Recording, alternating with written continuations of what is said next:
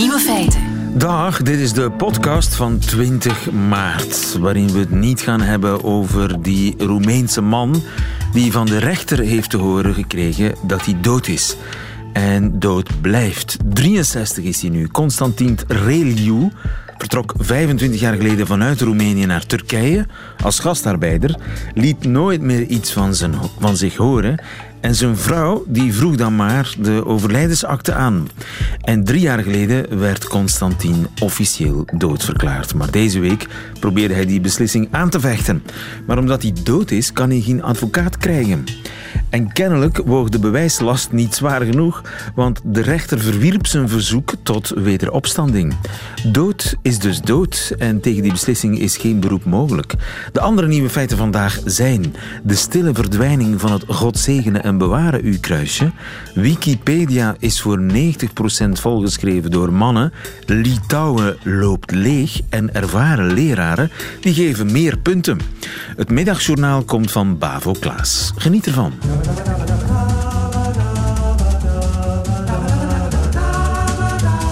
Nieuwe feiten.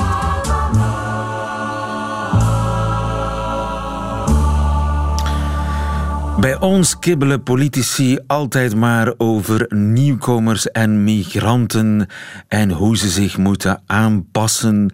Maar in Litouwen zitten ze met het omgekeerde probleem, want dat land loopt leeg. Op tien jaar tijd is 12% van de mensen vertrokken. Dag Koen. Goedemiddag. Koen Vrijlst, onze man in de Baltische Staten. Jij zit in, uh, niet in Litouwen, maar in Letland, geloof ik, in Riga. Ja, dat klopt. Ik zit één, één land naar boven. En is daar ook sprake van een leegloop? Ja, absoluut. In iets mindere mate dan in, dan in Litouwen, maar ook hier is het echt een, een groot probleem. En merk je dat ook op straat? Lege autostrades, geen files? Ja, nou in de, in de hoofdsteden valt het natuurlijk wel mee, want de, de, de grote steden die blijven wel groeien. Maar inderdaad, als je van, uh, van Riga naar Vilnius rijdt, de hoofdstad van Litouwen, dan zijn de, de wegen grotendeels leeg. En welke impact heeft dat op het dagelijkse leven? Is het bijvoorbeeld uh, moeilijk om aan een lief te geraken? Ja, absoluut. Ja, zeker omdat uh, de laatste... Litouwen heeft eigenlijk vier golven van emigratie gekend. En vooral in de laatste twee, daar emigreren mensen vanwege de lagere lonen. En dat zijn dan vooral de mannen die in het buitenland gaan werken, in Noorwegen, in het Verenigd Koninkrijk en in Duitsland. Dus in veel gevallen zitten de, de hoogopgeleide vrouwen, die zitten ja, toch een beetje in de, in de problemen, zeg maar. Omdat zij vaak geen, uh, geen man kunnen vinden die, die geschikt is voor hen. En hoe proberen ze dat op te lossen? Nou, ik denk dat er heel veel getinderd wordt, maar nog steeds is het een, ja, een, een, een blijvend probleem dat, ze, dat zij op een gegeven moment ook maar het hazenpad kiezen en, en zelf in een land gaan wonen waar de, de verhouding wat, wat beter is. Ja, het is het gevecht om de laatste man, de laatste leuke man. nu, mensen slaan meestal op de vlucht voor geweld, voor burgeroorlog, voor hongersnood. Daar is toch allemaal geen sprake van in Letland, Litouwen? Nee, zeker niet. Nee, het gaat vooral uh, om, om, lage lonen. Uh, ik neem, neem, een voorbeeld van iemand die net afgestudeerd is en een starterskwalificatie uh, heeft, die, die bij een, laten we zeggen, in de marketing gaat werken of, of op universiteit, die, die verdient misschien 700, 800 euro in de maand met een fulltime baan. Terwijl als je in, in Litouwen, in Vilnius bijvoorbeeld, of in Riga een, een huis wil, wil vinden, een appartement, dan, dan ben je toch al gauw de helft van dat bedrag daaraan kwijt. En de, de supermarkten zijn, zijn even duur als in, als in België. Dus het, uh, ja, het, het, de, de, kosten van leven zijn, uh, zijn behoorlijk uh, gestegen in de afgelopen jaren. Zeker sinds beide landen de euro hebben ingevoerd. En dat is ja, met zo'n laag, met zo'n laag salaris is dat natuurlijk best pittig om daar van bij te komen. Dus de mensen oh. hebben wel degelijk honger? Nou ja, misschien niet, niet, niet, niet in, in, in, in heel zeer acute zin, maar het is wel een, wel een probleem. Ze moeten wel uitkijken met wat ze uitgeven. En dus de meeste mensen eten boterhammetjes met confituur? Nou, ik denk dat op zich is het. Uh, er is niet echt in die zin uh, hongersnood of iets dergelijks. Maar het is wel een, wel, wel een blijvend probleem. In de zin van dat ja, je, je moet wel opletten. Als je, als je jong bent, kun je niet zomaar elke week uitgaan en, en 20 euro aan bier besteden. Ja, en is het iets wat vooral de jongere generatie treft? De oudere generatie die heeft eigen huis, die heeft spaargeld, die, die trekt zijn plan? Nou, het zijn inderdaad meestal de jongeren die, uh, die, gaan, die gaan of studeren in Engeland of die, die gaan, laten we zeggen, een half jaar in de kassen werken in, in Noorwegen bijvoorbeeld om, om aardbeien te, te plukken. en, en het zijn de, de oudere mensen die achterblijven, die op zich niet per se een heel veel betere situatie hebben, maar die gewoon veel minder mobiel zijn. Maar je hoort toch vaak juichende berichten over die Baltische staten, dat ze daar ver voorop liggen wat betreft e-government en digitale revoluties en zo? Zeker, ja, nee, de, de, de, qua, qua eh, tech uh, gaat het heel erg goed.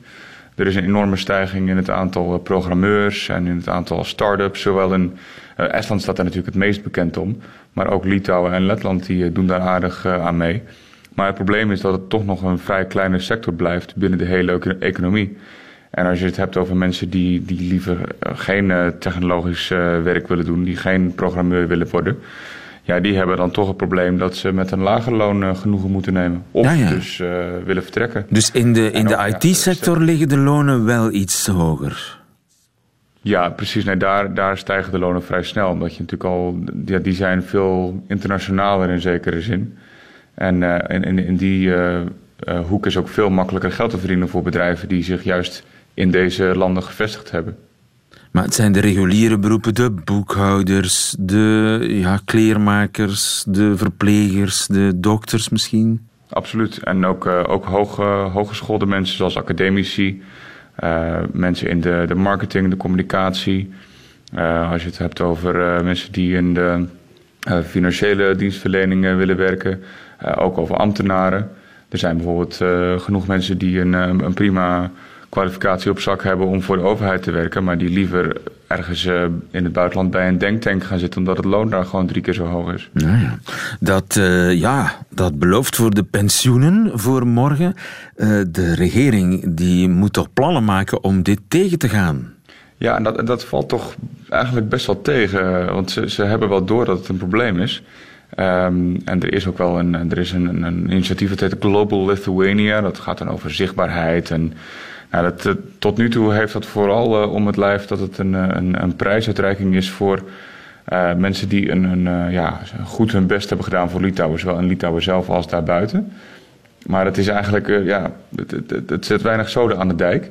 En ook zegt de, zegt de overheid vooral tegen de werkgevers van ja, geef nou eens hogere lonen, want dan komen mensen tenminste terug.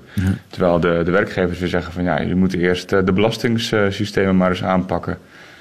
Uh, tegelijkertijd, eh, afgelopen jaar, 2017, was het wel voor het eerst dat er echt een flinke toename was in, uh, in terugkerende Litouwers. er vertrokken vorig jaar bijna 60.000 mensen, maar er kwamen er ook weer 18.000 terug. Dus op zich, het, het is nog lang niet in balans, maar er is wel enige uh, herstel uh, zichtbaar. En heeft uh, Letland niet kunnen profiteren van de vluchtelingenstroom? Want misschien zijn die daar wel heel welkom. Nou, zowel Letland als Litouwen hebben daar een beetje een probleem mee inderdaad. Dat, ze, dat het vrij conservatieve maatschappijen zijn. Dat is ook voor een deel van de mensen is dat reden om te vertrekken. Um, en het, ja, er is ook weinig overheidsgeld om, om werken om, om nieuwe immigranten om die te steunen. Dus er zijn bijvoorbeeld uh, vrij weinig taalkursussen. De, de, de, de, huisvesting die laat uh, behoorlijk te wensen over. Maar Litouwen heeft, die heeft wel geprobeerd. Een paar jaar geleden zijn ze met een overheidsdelegatie naar, naar Lesbos gegaan. Om daar op dat eiland waar dus zoveel Syriërs en Afghanen aankomen... om daar mensen te overtuigen van... hey, kom naar Litouwen, want wij hebben jullie wel nodig. maar na wat ik begrepen heb, heeft dat eh, vrij weinig opgeleverd. En, eh, en het gebeurt ook regelmatig dat mensen die wel naar deze landen komen, dat die op, na verloop van tijd gewoon zoiets hebben van ja, ik kan hier eigenlijk niet echt een leven opbouwen. Uh, dus ik vertrek naar, naar, naar, Duitsland of naar Zweden, want daar kan ik wel werk vinden en daar kan ik wel een taalkursus krijgen en, en rekenen op dat ik ook mag blijven. Dus het probleem blijft eh, op dit moment nog steeds nijpend in de Baltische Staten, waar zelfs de Baltische mensen niet echt meer willen wonen. Tenminste niet de jongere garde. Dankjewel Koen Verhelst. Goedemiddag. Dank u wel. Nieuwe feiten. Wist u dat Wikipedia voor 90% wordt volgeschreven door mannen? Ze noemen dat de Wikigap. En die Wikigap Dat vinden ze tenminste in Zweden. Die moet dringend dicht. Dag Sandra. Goedemiddag. Sandra Rientjes van uh, Wikipedia Nederland. Het is de Zweedse minister van Buitenlandse Zaken, in mevrouw Wallström, die organiseert in meer dan 50 Zweedse ambassades een soort van ja, Wikipedia-marathon-sessies om uh, Wikipedia te vervrouwelijken. En de bedoeling zou zijn om meer artikels over vrouwen op Wikipedia te krijgen. Want uh, ook dat is een probleem. Heel veel artikels gaan over mannen. Uh, is die actie een goed idee volgens u? Uh, ja, dat denk ik wel. Uh, het is sowieso mooi dat, dat hier aandacht wordt voor gevraagd. Um, het is niet alleen op Wikipedia. Je ziet sowieso breed op internet dat dat toch nog steeds meer een domein is van mannen dan van vrouwen. Maar op Wikipedia is dat wel heel erg zichtbaar. 80% van de biografieën op Wikipedia, 80%, 8 op de 10, gaan over mannen. Ja, klopt. Dat is natuurlijk wel een heel eng cijfer. Uh, er is wel wat discussie over van ja, in hoeverre is dat ook een beetje een weerspiegeling van hoe de geschiedenis is geweest? Uh, vrouwen waren natuurlijk heel vaak buitengesloten uit onderwijs en politiek en, en, en het zakenleven. Dus dan heb je ook minder vrouwelijke uh, Nobelprijswinnaars, minder vrouwelijke minister-presidenten. En dan krijgen vrouwen minder snel een, uh, een artikel. Het is nu eenmaal zoals het is, dat is de geschiedenis. Dus je kunt de geschiedenis niet herschrijven, kant, ja. helaas. Maar toch, 90% van de artikels zijn door mannen geschreven. Dat is wel heel veel, hè? Ja, en hoewel de geschiedenis vrouwen natuurlijk een beetje benadeelt... kun je ook afvragen of wat vrouwen gedaan hebben... misschien soms ook nog steeds wat minder belangrijk wordt gevonden. Dat Door de auteurs van die artikels, die met name 9 op 10 ja. mannen zijn. Maar ja. is, is daar een verklaring voor? Is dat het gevolg van een soort van mansplaining? He, dat mannen graag uitleggen hoe de dingen in elkaar zitten, terwijl ja, een vrouw al snel denkt, ja, ik weet er niet genoeg van hoor, om uh, mijn kennis uh, ter zake op Wikipedia te zetten. Nou, dat, dat speelt natuurlijk wel mee, maar het is ook een beetje historisch gegroeid. Wikipedia bestaat inmiddels uh, een jaar of 17 en toen dat begon, toen was, ja, toen was het toch wel echt nerdy hoor. Om zelf dingen op internet te zetten en te publiceren. Het was een jongensclubje. Het was een jongensclubje en uh, dat, dat heeft ook gevolgen gehad voor de sfeer. En dan trek je steeds meer jongens aan eigenlijk. Soort zoekt soort. Nou ja, zo kun je het ook zeggen. Ja, dus uh, als er allemaal jongens bij elkaar artikels zitten te schrijven, dan voelen meer jongens zich geneigd om dat te gaan doen. En voelen de meisjes zich al gauw ja, niet, niet welkom. Dat is eigenlijk het idee. Nou, het is net als in, uh, in een café. Uh, een café waar heel veel vrouwen zitten, daar hangt gewoon een heel andere sfeer dan als er in datzelfde café allemaal mannen zitten. En dat had je op Wikipedia natuurlijk ook. Maar daar wordt nu wel echt heel hard aan gewerkt om dat te veranderen. En we zien ook verbetering. En hoe werken jullie daaraan? Want jij bent de baas hè, van Wikipedia Nederland. Oh nee, nee, dat moeten we echt niet zeggen. Uh, ik ben de baas van Wikimedia Nederland, maar op Wikipedia zijn alleen de Wikipedianen, de Wikipedia-schrijvers, de baas. Uh, wij, Wikimedia Nederland, ondersteunt, maar wij bepalen zeker niet wie waarover gaat schrijven. Dus dat maakt het extra moeilijk om dat bij te sturen. Ja, wat wij wel doen is uh, helpen bij het organiseren van bijeenkomsten... Uh, waar vrouwen leren hoe ze Wikipedia kunnen bewerken. Er is ook een, uh, een Facebookgroep die vrouwen ondersteunt. Dus dat is een beetje een vriendelijke omgeving. Um, en ja, wat je ook ziet is dat het maken van lijsten waarop staat... nou, deze vrouwen ontbreken nog, dat het ook heel erg goed werkt. Dat Wikipedianen zijn dol op lijsten, want dan kunnen ze weer een artikel aanmaken. En dat stimuleert dan ook de mannelijke Wikipedianen om ook eens over vrouwen te gaan schrijven. Want ja, Wikipedia dat is uh, vooral sterk in techniek, sport, wetenschap, science fiction. Dat zijn allemaal typische mannenonderwerpen. Ook daar kun je misschien in sturen dat je zegt dat je een lijst maakt van kijk, deze ja, artikelen ontbreken nog. Ja, dat zie je ook thema's uit de vrouwengeschiedenis, maar ook uh, thema's als mode, uh, psychologie, kinderopvoeding. Uh, daar zijn ook lijsten van, van, nou, hier zouden we graag artikelen over willen hebben. En werkt het? Is het de voorbije jaren toch al een klein beetje kleiner geworden, die gender gap? Ja, nou wij zien zelf dat op de Nederlandstalige Wikipedia... dat er eerst 9% van de bewerkers vrouw was. We zitten nu al op 12, dus het, het gaat langzaam, maar er zit groei in. En er worden wel elk jaar weer worden er echt uh, honderden artikelen toegevoegd die, die specifiek over vrouwen of vrouwenthema's gaan. Het gaat de goede kant op en bij deze een warme oproep aan alle vrouwen die willen meewerken aan Wikipedia. Doe het. Dankjewel Sandra Rientjes. Goedemiddag. Goedemiddag. Lieven van den Houten. Radio 1. Oudere leerkrachten die geven kennelijk meer punten. Pedro de Bruikere, goedemiddag. Goedemiddag, lieve. Onze favoriete pedagoog. Dat zou toch moeten blijken uit nieuw Amerikaans onderzoek. Hoe hebben ze dat onderzocht? Wel, ze hebben in feite vier onderzoeken gedaan. Ze hebben gekeken bij een universiteit over de tijd van 2000 tot 2009 ja, hoe de punten evolueerden. En wat zagen ze?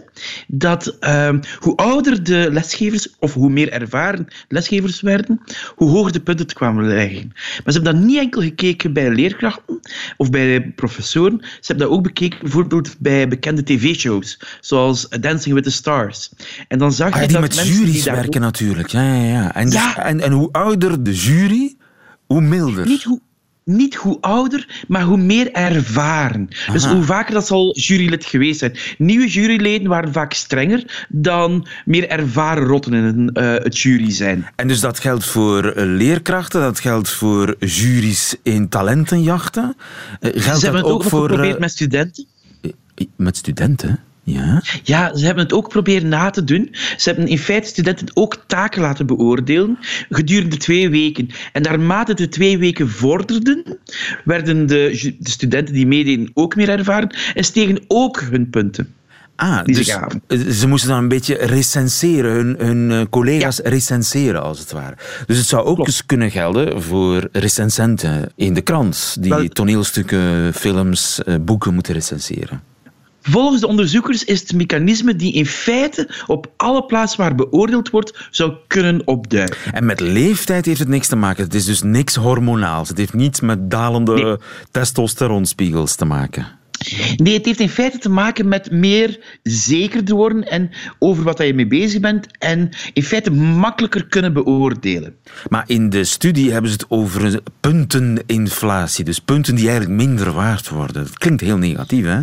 Wel, daar probeer ik, ben ik zelf een beetje voorzichtiger in. Ze stellen dit vast.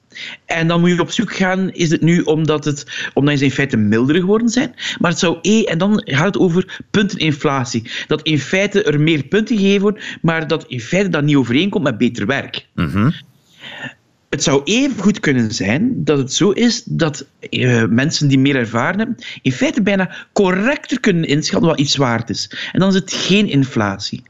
Maar uh, ik heb de voorbije maanden heel veel over punteninflatie in een ander domein moeten lezen. Dat is iets dat je heel moeilijk te onderzoeken is, omdat je meestal heel weinig referenties hebt. Hier zie je een evolutie. Is die evolutie nu omdat een 8 van vandaag vroeger 7 was, of was het gewoon die 7 vroeger te weinig gegeven. Omdat de beoordelaar ja, nog een soort van scoringsdrang, geldingsdrang had en dus strenger oordeelde. Zou een mogelijke verklaring zijn. Dus dat is heel moeilijk uit te maken. Nu, de onderzoekers vermoeden wel dat er inflatie is op basis van het onderzoek bij de studenten. Omdat ze het in feite op twee weken tijd hebben kunnen nabootsen, terwijl dat de taken in feite niet beter werden. Maar wat je op twee weken krijgt, is niet hetzelfde als iets wat je over negen jaar bij ervaren rotten ziet. Dus het is voor mij een beetje te kort door de bocht om zomaar te beslissen dat dit puur great inflation is. Misschien is het Misschien zijn de recensenten gewoon beter geworden met de ervaring. In ieder geval, je kunt maar beter een 50-plusser voor je neus krijgen in het examenkwartier. Of gewoon een ervaren rot die al heel lang les geeft. Bijvoorbeeld. Dankjewel Pedro de Bruikere. Goedemiddag. Goedemiddag. Nieuwe feiten. Altijd. Verdwenen door de achterdeur in stilte zonder afscheid te nemen. Take a French leave, zeggen de Engelsen ook wel eens. Niemand weet precies wanneer het is gebeurd en hoe. Maar het kruisje is weg. Dag Rick Torfs. Goedemiddag. Want ik lees het in de krant. Jurgen Meddepenningen, de theoloog, die schreef erover in de krant. Zelfs in zijn gezin is het kruisje nu verleden tijd. Zijn dochter van tien die uh, wil het niet langer. Hoe zit het eigenlijk in Huizen Torfs? Wordt daar nog een kruisje op het voorhoofd gegeven vlak voor het slapen gaan? Wel, ik, ik ben eigenlijk nooit heel erg in die traditie Oei. grootgebracht. Mijn vader deed dat wel als ik heel klein was. Maar ik kan mij ook inbeelden bijvoorbeeld dat een kind van tien jaar, een meisje van tien, dat haar leven op alle punten wat anders ziet worden, daar niet meteen voor staat te springen. Uh, het is dus eigenlijk eerder wel een gebruik. Ik vind het een mooi gebruik uh, dat uh, lang heeft bestaan, maar dat in onze tijd inderdaad minder aanwezig is. Minder aanwezig is. Hè? Wij, wij noemden dat. Ja, ik kom natuurlijk van de andere zijde van de Schelde, vanuit Leuven bekeken. Wij noemden dat een Sintewari.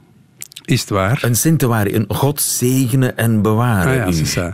En volgens mij werd het niet alleen door ouders aan kinderen gegeven, maar ook de ouders onderling. Iedereen gaf elkaar voor het slapen gaan een Sintewari. Ja, dat tweede moet toch um, van de andere kant van de Schelde komen. Dat heb ik uh, nooit meegemaakt. Maar het is wel zo dat het kruisje toekoer een geweldige traditie heeft uh, in het christendom. Eigenlijk is het vanaf de tweede eeuw bij uh, Zo vroeg al. Ja, al aanwezig. Um, en dan werd er gezegd, ja, er zou een kruis moeten gemaakt worden, zei Tertullianus dan, voor alle reizen en bewegingen, voor komen en gaan, uh, voor schoenen aandoen en ze weer uitdoen voor elk werk. Dus dat zat er toen al. Natuurlijk niet bij Christus zelf, dat zou een anachronisme zijn, maar wel al bij Tertullianus in de tweede eeuw. Daar was dat belang al zeer groot. En uh, je moet met de duim op het voorhoofd van de ander een kruis maken en daarbij zeggen: God zegene en bewaren u.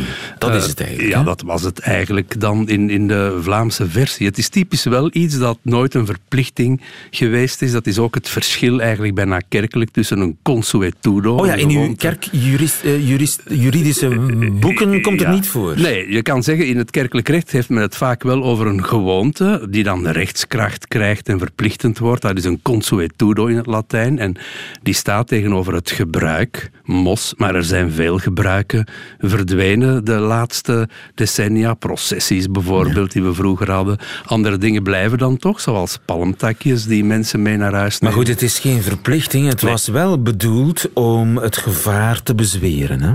Dat was zeker zo. Dus uh, de nacht werd als uh, vijandig beschouwd. Um, je weet maar nooit of je wel wakker wordt. Op zich is dat een slimme gedachte. Wij gaan heel veel uit van, van zelfsprekendheden.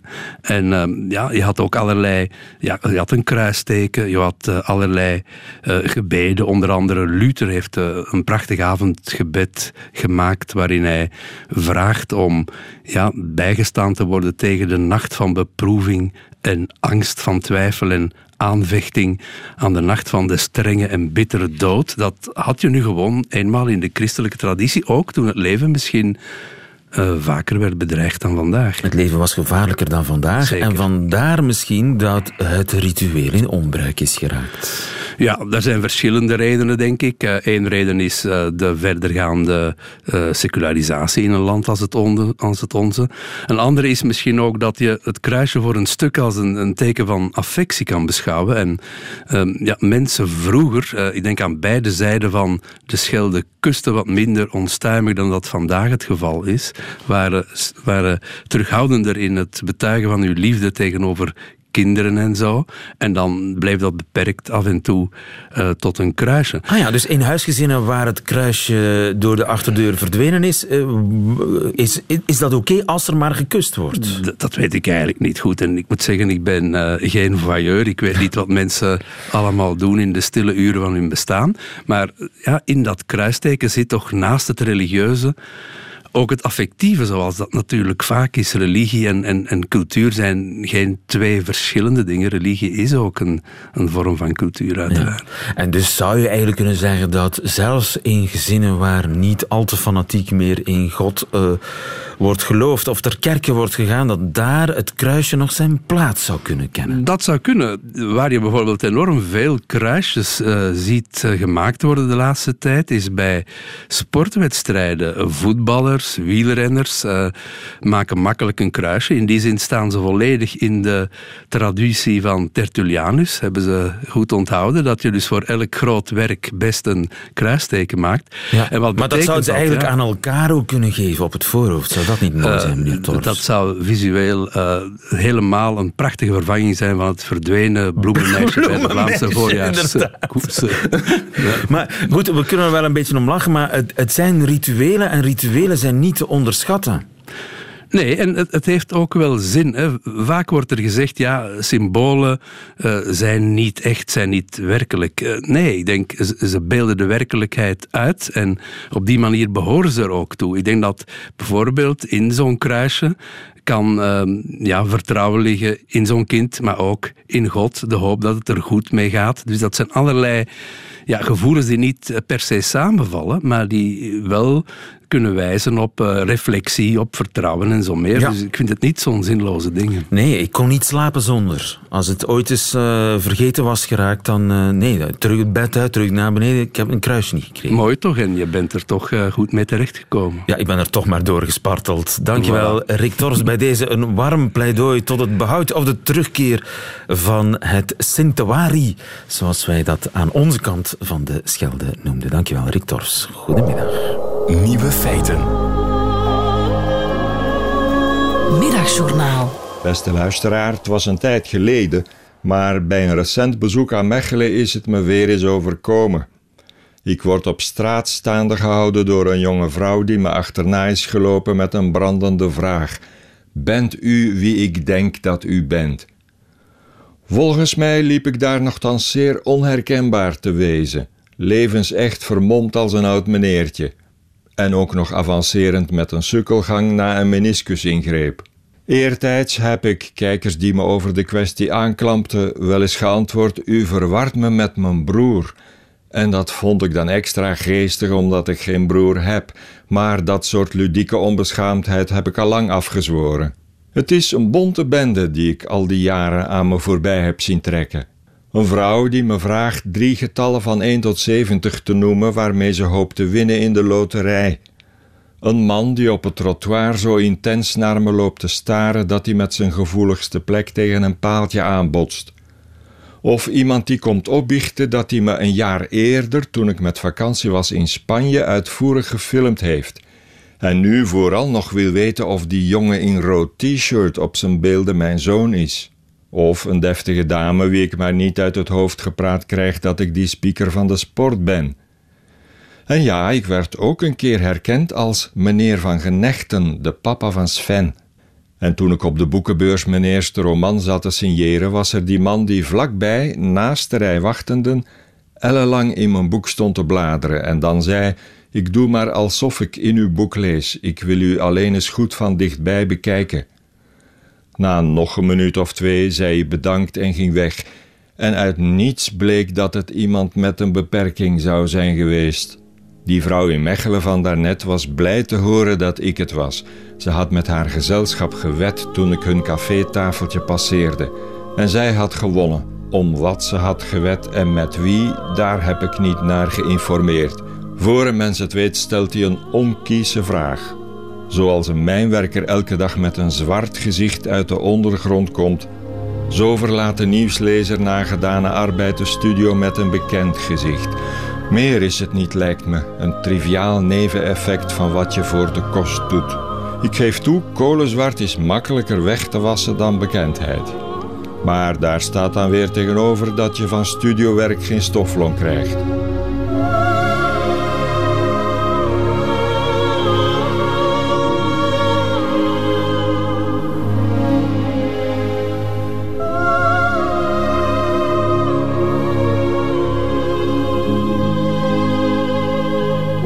Klaas in het middagjournaal. Meteen het einde van deze podcast van Nieuwe Feiten. U vindt er nog veel meer op radio1.be of op de gebruikelijke podcastkanalen. Tot volgende keer.